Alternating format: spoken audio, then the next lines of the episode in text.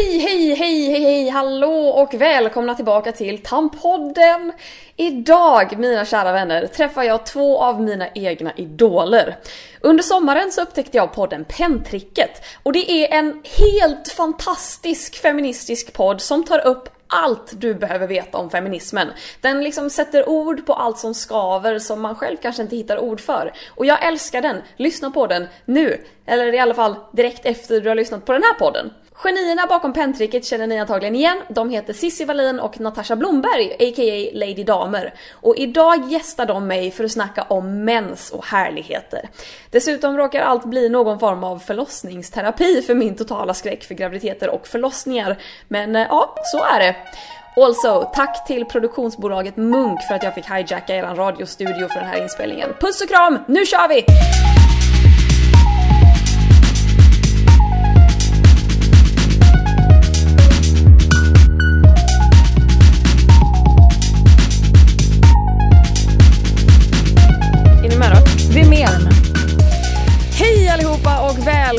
Tillbaka till ett nytt avsnitt av Tampodden. Idag har jag med mig de eminenta programledarna av podden Pentricket. Hej hej! Hej hej. Lady Damer, Natasha Blomberg och Cissi Wallin. Halloj. Fan vad kul att vara här. Ja men alltså jättekul att ha er här. Eh, jag måste tipsa alla som lyssnar slash ser på det här att lyssna på Pentricket. Det är eh, den, på riktigt den enda podd jag har pallat lyssna på. För jag kan inte lyssna på poddar. Det är jätteorimligt att jag själv har en podd när jag inte pallar lyssna på poddar. Men, Nej, det kan ju...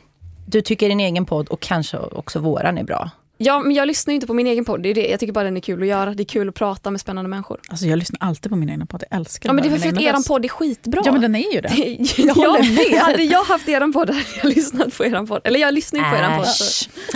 Ja, nej men så det är skitkul att ha er här. Eh, vi har precis snackat en, typ nästan en timma om mens Ja. i pentricket. Och jag tänker att vi fortsätter på temat här i Tampodden. Man blir ju aldrig klar med den. Nej, eller hur? Kan man kanske tro att man blir, men det blir man ju inte. Nej, vi har bara om. börjat. Ja. Jag brukar alltid fråga mina gäster om de minns deras första mens. Gör ni det? Jag gör faktiskt inte det. Alltså, grejen är att jag fick mens ganska sent, tyckte jag då, men det tyckte ju inte ni, eh, när jag var 13 år. Och det var ju liksom så här, äntligen var jag kvinna, men jag kommer inte ihåg riktigt första tillfället. Så där. Jag kommer ihåg bara att jag kände något slags liksom så här lugn. Jag hade fått så här lite flytningar några år tidigare och det var också en sån här, ett steg. Helt plötsligt var det gult i trosorna, jättekonstigt. Och bara, vad är det här för någonting? Och mamma liksom, bara, ah, det är flytningar, nu håller du på att bli kvinna. Liksom. Och sen när jag fick mensen, då var det så här, nu, nu blev jag liksom kvinna. Jag minns det jätteväl. Jag var 11. Nej, jag hade nog, nu har jag vilselett er i förra i vår podd. Jag tror att jag hade fyllt 12 precis. Eh, så det var så här, jag fick min första PMS-ish när jag var 11, men mensen kom när jag var 12. Men Någon vecka senare, hur visste typ. du att det var PMS då? Ja, det visste jag inte då, men det visste jag ju, vet jag ju nu. Nej, men det var ju de här premenstruella syndromen helt enkelt. Eh, svullnade upp, Typ fick ont i brösten, eh, precis fått någon form av bröst, eh, ja, mensvärk-ish så. Och så fick jag själva mensen någon, någon vecka eller två veckor senare och eh, eh jag blev väldigt, eh, jag visste ju vad det var. Jag hade ju läst KP och Frida och sådär. Men jag blev ju väldigt besviken. Jag var så här, jag tyckte ju, till skillnad från Natasha tyckte jag att det var för tidigt. Jag var en av de första liksom, i klassen, eller jag var nog först tror jag. Eh, och var inte alls jättepepp på det här. Eh, min mamma har ju tack och lov, eller vad man ska säga, alltid varit väldigt öppen med mens. Och hon är den som har, så här, av misstag då, men ändå glömt bindor, använda bindor framme och hoppsan hejsan och sådär. Men hon är, hon är från Polen, en- från, från en kultur där man är väldigt, eh, där man har, eh, man har fest när ens flickebarn då får mens. det vill jag ha.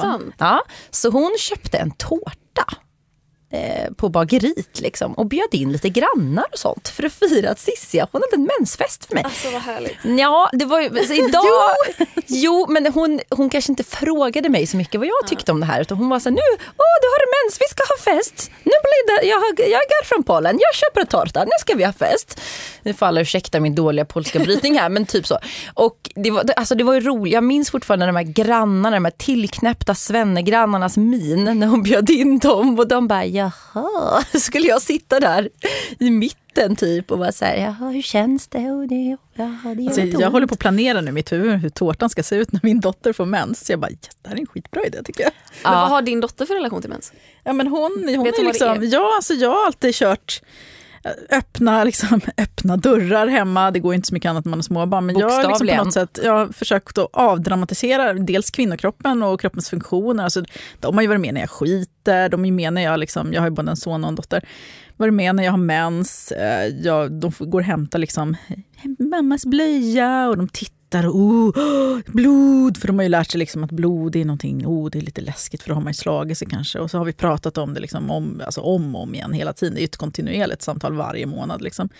Att nej, mamma har inte slagit sig, så här är det sen när man blir vuxen och alla med, med, med livmoder, eller nästan alla i alla fall med livmoder, kommer att få mens. Och, så att de har en ganska så här avslappnad attityd. De tycker det är, alltså för dem är det typ som att jag går och bajsar, eller typ äter mat. Alltså det är inget konstigt. Önskar att jag blev uppfostrad på det sättet. Det låter så härligt. Det låter som att man kommer kunna ta det med så mycket mer ro när den dagen väl kommer för din Nej, men jag hoppas det, att det liksom inte ska vara något konstigt. Bara, Jaha, nu fick jag mens också. Så. Ni båda har ju söner också, Japp. slår det mig nu när vi pratar om det. Mm. Hur tänker ni att ni eh, ska prata med dem om detta ämne? För att jag är ju verkligen sån att så här, vi borde prata med alla om det. Det är så töntigt att man delas in i tjejer i ett klassrum, killar i ett klassrum när det ska snackas om mens. Alltså min, jag måste bara backa lite då från uppväxten vad, vad jag ska komma till gentemot min son. Men min mamma gjorde så här. Eh, Jag har en bror som är sju år äldre än mig.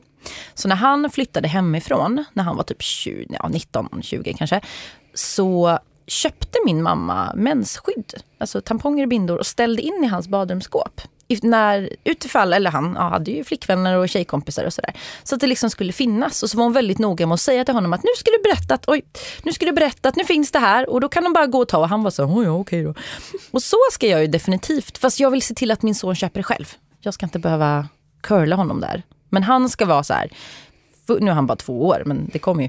Han ska vara fullt medveten om mäns existens. Eh, han ska vara fullt medveten om att folk som har mens, eh, kvinnor framförallt då, eh, har, ja det kan vara jobbigt, det kan vara obekvämt, det kan vara, påverka hur man mår, både psykiskt och fysiskt. Och han ska vara förstående för det. Och att han ska vara noga med att ha lite koll på vad man kan få tag i tamponger och bindor och liknande om man behöver det. Så han ska vara insatt helt enkelt. För det drabbar ju, drabbar ju, men det påverkar ju honom också.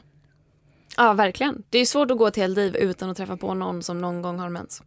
Ja, och också så här, nu känns det väldigt avlägset för han är så liten. Men just med sex, som han visar sig gilla tjejer och vill ligga med tjejer så är det ju jätteviktigt och, och liksom Sen får hen sköta sitt sexliv, men att man ändå informerar om att så här, det är inte äckligt med tjej som har mens, det är inte ohygieniskt. Det får ju han känna själv, men att man åtminstone... Jag tycker det är lite här, sexualundervisa sitt barn är lite svårt, men man måste väl göra det. Ja, alltså jag tror att man framförallt avdramatiserar och normaliserar. Som, som jag sa också, att min son är ju med. Han har ju hämtat liksom mammas blöja flera gånger. Han frågar, han tittar, det gör han fortfarande, han är sju år. Nu är inte han så jätteintresserad längre som han var när han kanske var tre. Men det är, liksom, det är inga konstigheter. Och jag, jag vet inte om jag kommer uppmuntra honom att ha en massa mensskydd hemma. Jag vet inte om det är nödvändigt alla gånger. Även om jag kan uppskatta så här, offentliga toaletter på till exempel arbetsplatser har det, även om det är mansdominerat. Sånt där. Eh, men jag tänker att han i alla fall inte ska tycka det är konstigheter eller att det ska vara äckligt på något sätt. Utan att det, bara, det är en normal del av väldigt många kvinnors vardag. Och att det liksom, ja. Jag hoppas alltså, att man kan skicka honom, alltså något jag kanske kommer göra är väl be honom köpa upp, handla tamponger kanske till syrran, för jag har väl kanske slutat mensa när han kommer upp i den åldern. Men, ja, men kan du plocka upp ett paket eh, bindor eller tamponger liksom. Och att det ska vara helt, alltså för, för min man har det ju varit helt, han har inte tyckt att det var någon konstigheter att göra sådana grejer. Vad har ni själva för relation till era mensar då? Alltså jag har haft ganska jobbigt. Jag fick ju mens när jag var 11-12, eh, precis där i brytpunkten. Och hade så ont, alltså sådana menskramper, liksom, framförallt innan mens, dagarna först, och kanske typ första dagen in i mensen. Att jag fick äta hormoner för att liksom stävja det här. Eh, och sen har, det, ja, sen har jag ätit hormoner så har jag fått andra problem i med dem. Så det har slutat med dem och så har jag inte hittat någon värktablett som har funkat. Så att mens för mig är ju förknippat med ganska mycket knöl. Liksom. Men tack och lov inte längre förknippat med skam. När, när, när eh, blev det inte det då? När blev det inte skamligt? Eh, helt och hållet tror jag inte det blev skamligt tyvärr förrän jag fick barn. För att jag minns, eh, vi, jag kom hem från BB och då har man ju någonting som heter avslag. Eh, det låter... Vad är det? Jag har Ja. aldrig legat på BB. Ska jag berätta för dig? ser? Det är sånt där som man inte heller riktigt får veta. Först när man ligger där och eh, kommer på att de där Always Ultra småbindorna du tog med dig till BB, de räcker Nej, inte alltså du får ju blöjor på BB. Om du behöver så får du liksom, då hämtar de the, the, the real shit. Nej men det är så här, föder man vaginalt, eh, jag vet inte om alla får det här, jag tror det, men det beror på hur mycket och så. Men det vanligaste är att man får eh, dels att man blöder som fan efteråt för att man liksom har tryckt ut en bebis genom fittan. Eh, man kanske har spruckit eller det är framförallt så, så här är det, oj nu ska jag folkbilda lite. Ja, jag på. snälla gör det. För även, nu har- sa jag fel här, även om du gör ett kejsarsnitt så får du avslag. För att det är ju fortfarande ett sår där moderkakan har suttit. För om du blir kejsarsnittad så plockar man ju ut moderkakan också oavsett om man inte krystar ut den. Och det du blöder av är ju inte själva i att du har tryckt ut barnet ofta utan det är att det är ett stort sår.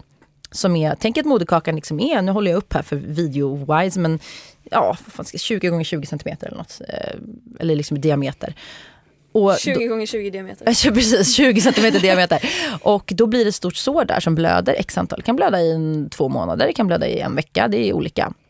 För mig blödde det kanske i fyra veckor.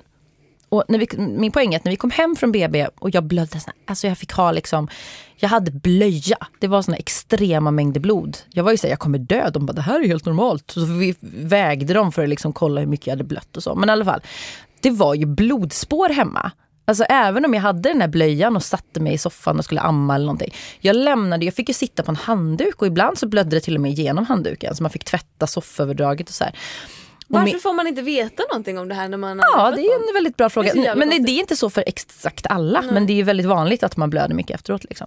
Jag tänkte att det var, jag, man vet ju att man blöder men jag tänker att det alltså, som en mens liksom när eh, livmoderslemhinnan, alltså vävnaden ska ut efter att barnet har kommit ut. Men det är så mycket mer vävnad som ska ut också. Ja, det- alltså, jag fick ju någonting som heter koagler. Och om det fan- myset. Alltså, shit, det var ju verkligen en chock. Det var som att få en smäll på käften. Jag vaknade upp så här, eh, dagen efter förlossningen. För mig. Jag födde barn och sen låg jag kvar i sängen. Man är inte uppe liksom, och springer liksom, efteråt. Vaknar på morgonen och så sätter jag mig upp lite så här, liksom, man är lite öm så att man sätter sig upp lite så här, på huk i sängen. Och ska liksom, möblera den här lilla bebisen som man inte vet hur man ska förflytta. Och så bara känner jag hur det liksom jag föder fram någonting. Jag bara, vad i helvete? Jag Var det kände en till där inne? ja, att det var någon så här liten missbildad siamesisk tvilling som så här, skulle ramla ut. Och jag fick panik så jag liksom bara, och jag kände liksom hur det kom ut någonting. Så jag tryckte på den här knappen som man får, den här larmknappen. Och liksom drog av med brallorna jättesnabbt. Och så liksom bara ligger den så här, två stycken tennisbollstora levrade blodklumpar. Och jag trodde liksom att jag var trasig, jag trodde att någonting var fel. Men sköterskan bara, jaha, ja, ja det är koagler liksom. Då har det legat och koagulerat inuti min kropp och bara... Men ungefär som när man har blött näsblod och så, eh, så typ sväljer man, man bara så Dö! Vad var det? Vad var det så som har det dog? liksom klumpat ihop sig med snor typ och så känner Ja. man nästan, och så bara brr, får man kvällningar och så ska man få upp det och så spottar man ut det så är det bara en sån klump Ja. med blod. Oh, oh. Fast tennisboll, två stycken. Usch vad äckligt. Mm, Som ja, jag födde äckligt, fram. Ja. Inte, inte onaturligt, Så att när man, efter att man har fött barn så får man lite mer avslappnad attityd till kroppen. tror Ja, jag, det var det jag skulle säga. Att så här, efter det, och då, jag kunde inte hjälpa att jag var som ett jävla snigelspår av blod hemma i lägenheten. Så min, min man var ju så här, nu var det blod här. Jag bara, japp, så är det med det. Så, och han fick ju, typ- början tyckte han det var lite, första dagarna han var så här, du får städa upp ditt eget blod. Jag bara, du jag har en bebis här som, som är fast vid min tutte. Du får städa upp det där blodet. Han bara, okej. Så att han gick runt sen med så vim och trasa och torkade upp blodspår efter mig. Och jag tror i och med det så blev vi båda ganska avdramatiserade. Eller liksom fick en avdramatiserad syn på, på blödande från fittis. Mm, det är ju väldigt lite blod i så fall i en vanlig mens om man jämför med en förlossning. Jag är ju så, Ja. eller förlåt, vad skulle du säga? Nej, precis. precis ja, ja, Jag är- oftast. Jag är så jäkla livrädd för förlossningar. Jag har ju, jag, det har jag sagt flera gånger på Youtube att jag är så, jag tror att jag aldrig vill ha barn, eh, i alla fall inte föda egna barn för att jag är så rädd för det. Alltså bara rädd för en graviditet, jag är rädd för en förlossning. För att det ska göra ont eller? Det känns bara så jäkla läskigt. Och då känner jag att eh, jag behöver inte utsätta mig för det. Tänker jag. Jag, jag det känns jätteobehagligt. Att man mår illa och det gör ont. och eh, det, det blir ju en bra sak av det förhoppningsvis. Men, men jag är bara rädd för det och då känner jag nej, då får andra göra det som hellre vill det. Men eh, då blir jag ju ännu mer rädd. Vi har peppat dig här nu, eller hur? Ja men alltså för det känns som att nu har folk på ett nytt sätt börjat prata om förlossningar. Att det kommer in så många som bara hallå, det här hände när jag födde barn, jag får ingen hjälp för det. Varför snackar vi inte mer om förlossningar? Alltså jag kan verkligen förstå att du känner så och eh, jag var också ganska rädd. Eh, och kände dels att så här, jag kanske inte, det kanske inte är min grej att få barn och jag kanske kommer ångra mig. Och, men det jag tror ganska få ångrar sig. Man kan ångra eh, kanske vem man skaffade barn med eller vilken tid i sitt liv men man ångrar aldrig barnen. Skulle Så jag, jag tänker också tro. på, nej det tror jag inte heller. Alltså, det finns väl de som gör det, men om man vill ha barn. Men jag tänker lite mer på liksom, det här med rädslan. Jag har också varit jätterädd. Alltså, bara tanken på att vara gravid, föda barn, det har ju varit en sån otrolig skräck i mig i så många år. Men sen så ville jag ha barn och så blev jag gravid och liksom, ja det var skitjobbigt. Men för mig var, var upplevelsen ändå ganska positiv för jag ville ju ha ett barn. Det hade varit kanske jobbigare om jag inte ville ha barn och ändå liksom var tvungen att genomgå eh, alltihop. Men sen när förlossningen kommer, alltså grejen är att man, man är ju gravid så jävla länge. Så att när väl förlossningen kommer, i alla fall med mina två första förlossningar, så var jag liksom inte rädd. Jag trodde att jag skulle vara rädd. Jag var rädd hela vägen nästan fram. Typ när det var två veckor kvar. Då bara slutade jag vara rädd och bara, åh gud, det här får köra igång någon jävla Ja, ja gång. det, det är liksom, Och sen när det du, kör du vill igång, bara att det ska vara ja, över. Sen när det kör igång, då bara yes! Nu är det snart över den här plågan. Så att liksom, graviditeten är så jävla jobbig i slutet så att det liksom blir så här att förlossningen är liksom det bättre alternativet. Okej, jag kanske peppar dig nu, men det är ganska peppigt. Ja men det är bra, det här blir lite förlossningsterapi för mig. Ja, för att Ja. någon gång i framtiden kanske jag också får moders eh, instinkter och typ bara, jag vill också ha barn. Typ. Men i värsta fall så går det ju faktiskt att prata liksom med Aurora-mottagningar så att man kan få kejsarsnitt. Ja. Eh, nu funkar det inte för alla, men man, vi jobbar ju för att liksom, alltså feminister och kvinnor generellt jobbar ju för att det ska bli en större valmöjlighet, i alla fall för kvinnor som är livrädda. Men som sagt, att föda barn det var verkligen den häftigaste upplevelsen. Varför ja? Alltså, du känner dig alltså, som en jävla shit. Xena warrior Ja, alltså, princess. det är en sån jävla urkraft. Ja, det är skitjobbigt. Min sista förlossning var jag väldigt rädd, men det var för att jag hade en negativ erfarenhet från min näst sista. Eh, Jag har haft ganska svåra förlossningar, så, men, och då var det verkligen så här, nej nu, nej, nu går jag hem. Men man känner sig som en jävla urkvinna, alltså den här kraften som dels att känna i, min första barn då tog jag här epidural, bedövning liksom utav hela underredet och liksom ryggen och det, så då kände jag kanske inte samma kraft liksom så, även om jag var med väldigt så här, man är med väldigt aktivt, du måste aktivt föda barn, det är ingenting som händer dig, utan det är någonting du gör. Eh, mitt andra barn tog jag ingen bedövning alls, och då fick jag verkligen känna på den här kraften som kroppen har. Hur den liksom, kallas också dödsångest. jag tänkte det, är bara ren och skär smärta du pressar ut. Nej, ett men- vattenmelonformat Ja. objekt ur ett myntformat hål. Precis. Hur är det kraftfullt? Alltså, det, aj! Ja, Jag blir bara- jag blir det är så oh! jävla häftigt. Nej, men det, och grejen är att just när man börjar krysta och så här och börjar få vara lite mer aktiv och inte bara ta emot en massa verkar. Det är ju då man känner det här häftiga. Man får ju adrenalinpåslag och sådana där grejer. Det är ju förmodligen därifrån den här känslan kommer. Man blir helt euforisk. Och jag hade ju inte sovit på 48 timmar med mitt första barn. Utan det var en 48 timmar lång eh, förlossning. Min, min tog två timmar aktivt så att Klara kan få lite perspektiv här. Så att det Men det behöver som inte det ta är alltid de här 48 timmar. Ja, nej, men, men Två när jag väl timmar fött, tog det för mig. Alltså jag var Typ. så jävla euforisk så jag kunde inte sova. De bara, ah, men nu är det kväll så godnatt, hej då. Släckte lyset och gick därifrån. Och jag bara, eh, va? va? Då hade jag ingen smartphone heller så jag kunde inte roa mig. Liksom. Och jag var så himla uppe i varv och det var så häftigt. Och det, men det är ju det här adrenalinet. Oxytocin frigör man ju jättemycket när man har en vaginal förlossning. Vad och har det, man sagt att man frigör? eh, oxytocin, den här må, må bra-hormonen som får en att vara Motsatsen liksom, till eh, kortisol som är stresshormoner. Precis, så att det är en sån här må bra-hormon som man bara är helt så, så jävla euforisk. Man kan också få den genom att typ träna eller äta choklad eller både och. Precis. Är det det som liksom kommer till för att man ska omedelbart bara glömma hur ont det gjorde? Jag tror så att det man är ska vilja ha fler. Ja, barn Jag tror det. Ja, direkt efter så sa jag faktiskt att det blir inga fler nu, Oskar. Eh, Men sen ett par veckor senare, då bara hmm. Och några år senare, då har man glömt bort helt och bara du, det är en jättebra idé om vi ska skaffa till barn. Blev det här en förlossningspodd nu? Det var ju inte riktigt meningen. Nej, ja, men vi kan prata om, vi har aldrig pratat om förlossningar i den här podden. Det brukar alltid glida in på några sidospår. Och jag är ju jätte, alltså, jag vill ju på något sätt bli klappad på huvudet och säga att det kommer lösa sig, det kommer gå Det bra. kommer lösa För att jag sig. vill ju ha barn i framtiden, det är det. Ja. Jag vill inte ha små barn, så. men jag vill ha vuxna barn. Jag vill kunna vara polare med Adoptera en barn. 15-åring.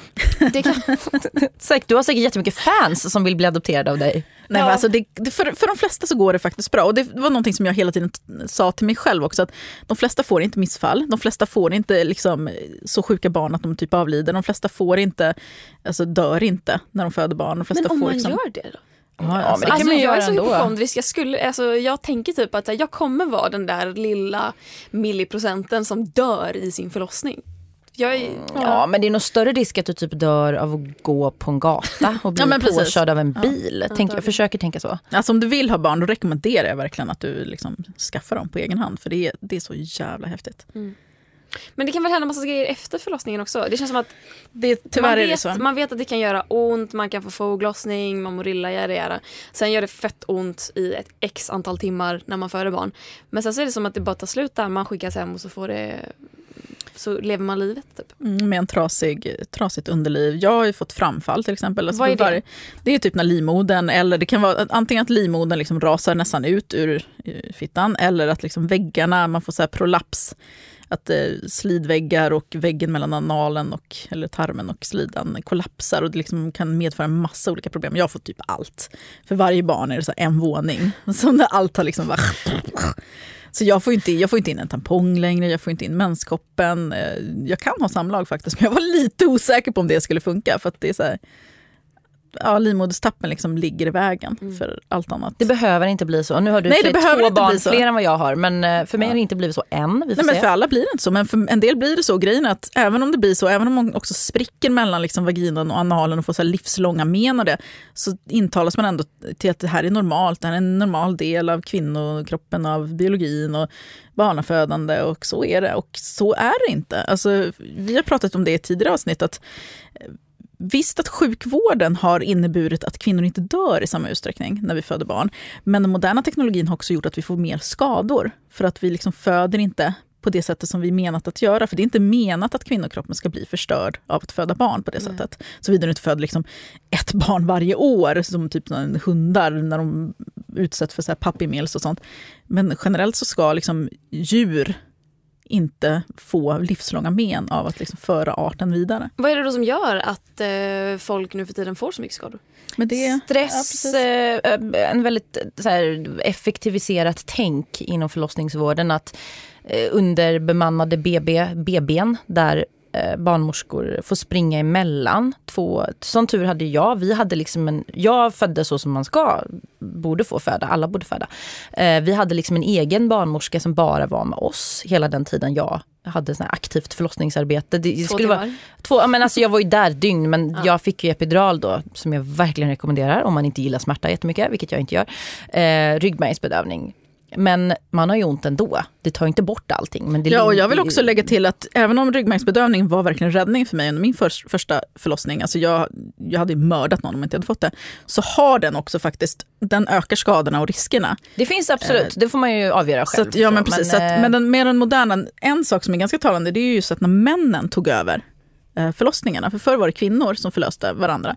När männen kom in i bilden, då blev det det här effektiviserandet. Det skulle du menar liksom- läkare, manliga läkare? Ja men precis, Eh, manliga läkare helt enkelt. I vissa länder som i USA till exempel, där, är det liksom, där ser man ju lite ner på barnmorskor. Man ser dem som typ, ja, men det här är häxor, eller så inte riktiga häxor, men det är, så här, det, är- det är typ bara humbug och typ som kvacksalveri. Ja. Eh, Och där har liksom männen fått tagit över, för att det är generellt män som oftare är läkare och den manliga vetenskapen. och liksom, Det ska medicineras, det ska effektiviseras, helt plötsligt ska vi ligga på rygg. Eh, vi, ska liksom, vi, vi, får inte föda naturligt stressfritt. Det är den här liksom kliniska miljön. Det är inga kvinnor längre runt omkring oss. Det är ingen kunskap heller runt omkring oss. Förr i tiden när man liksom levde mer separerat från varandra. Så det var liksom kvinnosamhället och manssamhället. Även om vi levde ihop så var det ändå kvinnor grupperade sig och män grupperade sig.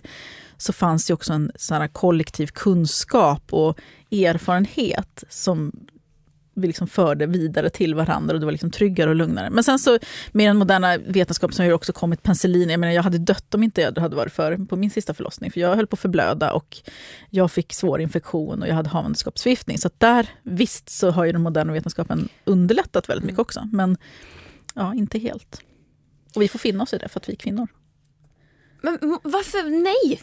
Jag pallar inte finna mig i det. Nej, jag vet. Nej. Men vi gör det. Vi Ja, bara... men det är här, jag, jag tror att man, man, får, man har ju en liten chans, möjlighet att påverka själv. Inför att du ska föda barn, du bestämmer ju vilket sjukhus du ska föda på och så. Eh, Då får du skriva ett så kallat förlossningsbrev. Som, de du, är- som är hos din barnmorskemottagning där du går innan, eller mödravårdsmottagning. Och så eh, kommer det, så ges det brevet till eh, dem på BB, eh, liksom i din journal på ett sätt. Och där kan man vara väldigt tydlig med och säga så här, jag är rädd för att spricka. Jag vill att ni tar det här speciella, jag kommer inte ihåg vad greppet heter. Finska greppet brukar man kalla Finska det. greppet. Det sa jag, jag bara hallå. De bara, Eh, ja. Och det, det ska egentligen alla få, men ibland så glömmer de det. Och det är att man håller på ett, jag kan inte expert på det här, men man håller på ett speciellt sätt och trycker tillbaka. För det som händer är att när man föder barn vaginalt, då, då kan man vilja trycka på för snabbt. Och det vet man ju själv att om någonting inte får så här töjas sakta, utan bara, då är det mycket större risk att man spricker upp. Aj. Precis. Så att man, man kan vara väldigt tydlig i sitt förlossningsbrev och säga det. Att jag är rädd för det här, jag vill ha det här, jag förväntar mig det här. Så. Och att vi faktiskt, jag ska inte säga att det ligger hos oss kvinnor framförallt, för det gör det ju inte. Men vi måste också kunna stå upp för vad vi, vad vi förväntar oss och höja liksom kraven. Och säga Ja. att jag nöjer mig inte med det här. Men ibland vet man inte heller riktigt hur man... Alltså jag tror att väldigt många kvinnor, vi lämnar över oss också till förlossningsvården. Jag till exempel, jag födde ju eh, barn på rygg alla tre gånger jag gjort det. och Jag föredrar att göra det. Men generellt är ju inte det alltid det bästa. Alltså, att sitta på huk kan också vara riskabelt för då kan det gå för fort. Att man liksom, det, det finns ju någon så här sittande position där det liksom är mest naturligt att det går i sakta takt och man har kontroll och så vidare. Men att ligga ner, det är ju, det är ju någonting som männen införde i barnafödandet när de tog över. Och det är ju för att då får du bättre, som personal, så får du mycket bättre översikt. Och de sa det till mig, till, till och med barnmorskorna när jag kom in med mitt sista barn. Och jag sa att jag vet, jag har fött barn på rygg och jag vill göra det den här gången igen. De bara tack, för då kan vi hjälpa dig bättre. Och att jag tror att ett problem är att vi kvinnor litar inte ens på vår egna förmåga längre. Och det är det jag menar med att vi har kommit bort från det här liksom, samhället där kvinnor liksom förde över sin kunskap och erfarenhet och trygghet till varandra på ett annat sätt. Nu så litar vi inte på, varandra, på, på oss själva längre, utan vi förlitar oss på läkarvetenskapen och på liksom andra människor, att de ska förlösa oss. Och då ligger vi där och vi vet inte hur vi ska göra, vi litar inte på vår kropp, vi känner inte våra kroppar. Och Men man är väl rädd för massa saker också. Alltså som man, jag läste bara här om veckan att i Stockholm, Stockholms stad slash län slash kommun är den eh, kommun i Sverige som flest får grövst förlossningsskador. För att det är så många som, eh, det är så många som ska föda, det ska gå snabbt, det ska effektiviseras och de eh, drar in pengar och därför så får fler skador. Då är det klart att jag till exempel eh, blir då rädd för att förlösa för då känner jag att jag vill inte ha skador. Jag vill att ni som kan detta tar hand om mig på bästa möjliga sätt och säger åt mig vad jag ska göra för att jag har aldrig gjort det här förut. Och, ja.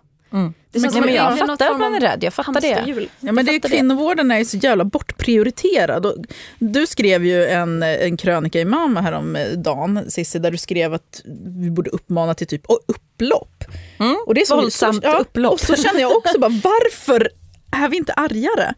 Nej, man är ju vi, om man pratar generellt om, om synen på kvinnor och eh, kvinnokampen och så, så är det ju en arg kvinna är ju otroligt oattraktiv. Alltså att vara förbannad, att vara pissed off helt enkelt är ju inte, det ligger liksom inte till, i vår fördel utan vi ska vara så här Mm, ja, men jag känner mig, nej men det går nog bra, det går så bra. Det är som Mia Skäringer när hon gör liksom sina karaktärer. Hon har ju en karaktär, det är inte Tabit utan det är den här, vad heter hon, Tussi, uh, Tussimurran heter hon inte, men det där Ett annat frisör-tjejen. ord för könshår. Ja precis. Hon är så här, ja men det går så bra. Ja, då- man ska vara liksom så här, ja nej men det går nog bra. Tillmötesgående. Ja, Man vill inte vara till ett besvär heller. positiv och tänka positivt. Allt är skit men man ska ändå vara så här, ja men det går nog bra. Ihop med den svenska jantelagen att man ska tro att man är någonting. Nej, men så, Mm. inte Så ska väl jag komma här och... Den passiva, alltså det Kräva. finns en bitterhet som lyser igenom hos många, framförallt äldre kvinnor jag möter, som, som är liksom, ja, min mammas generation. De är så här, mm, ja, och så hör man ändå till så här, väldigt mycket bettskena behövs det här, för det är extremt mycket så här, Det är dit jag är på väg känner jag. man biter ihop och så inombords bara, är det som ett monster. Vi borde släppa fram det där monstret. Alltså, vi Ja. måste ut med den där jävla kvinnokraften. Ja, vi måste ju göra någonting uppenbarligen Ja. för att någonting ska hända. Man Så kan här inte bara många- ligga där Det bortprioriteras och- också bara. Det blir bara sämre och sämre. Ja men hur kan inte alla snubbar bara stå på barrikaderna och bara hallå det är mitt barn som riskerar skador, det är Därför att min de inte fru bryr som... sig. De bryr sig inte, det är sjukt! Det de är läser sjukt. inte på. De, Och nu när vi säger så här, vet du vad som kommer hända? Vi kommer få skit. Vi kommer få jättemånga snubbar som säger så här att inte alla, därför att när man pratar om att snubbar inte bryr sig om saker eller att kvinnor far illa, bla bla bla, då är liksom fortfarande reaktionen är inte fan vad hemskt att Nej. ni utsätts för det här, fan vad hemskt att inte ni får ordentlig vård, fan vad hemskt att våra barn dör på grund av det. Utan det är så här, app, app, app, nu kände jag mig påhoppad här. Och det är det viktigaste av allt i den här diskussionen. Så nu ska vi prata om mig en stund. Och du kommer få skitmånga brev. Och också så här, ja men om det är så viktigt för dig och så googlar jag ditt namn om, du, om det ändå är någon som man kan go som är googlingsbar som de flesta är. Hur många debattartiklar slash blogginlägg slash överhuvudtaget twitterinlägg har du skrivit om de här frågorna? Noll! Ja men vad du brydde dig då? Nej. Det är klart att då är min kritik befogad. Du och, nu, kanske- ja. Ja. och nu är det faktiskt en minut kvar tills min kamera stänger av sig själv och därmed är podden slut. Så att nej, vi kommer inte prata mer eh, ändå. För nu blev det bara prat om lite mens och en hel del förlossningar. Så att Ja. jag säger tack Sissi och Natasha för den här förlossningsterapin. Det var fantastiskt Jag vet inte hur terapia du blev kanske. Men Nej, jag blev ärrad kanske istället. Men eh, underbart att ha er med i podden. Tack för att ni kom. Tack för att vi fick komma. Lyssna på penntricket, ni hittar den om ni googlar. Och så ses vi i nästa avsnitt av Tampodden eh, slash på min Youtube-kanal som vanligt. Ha det bra, hejdå!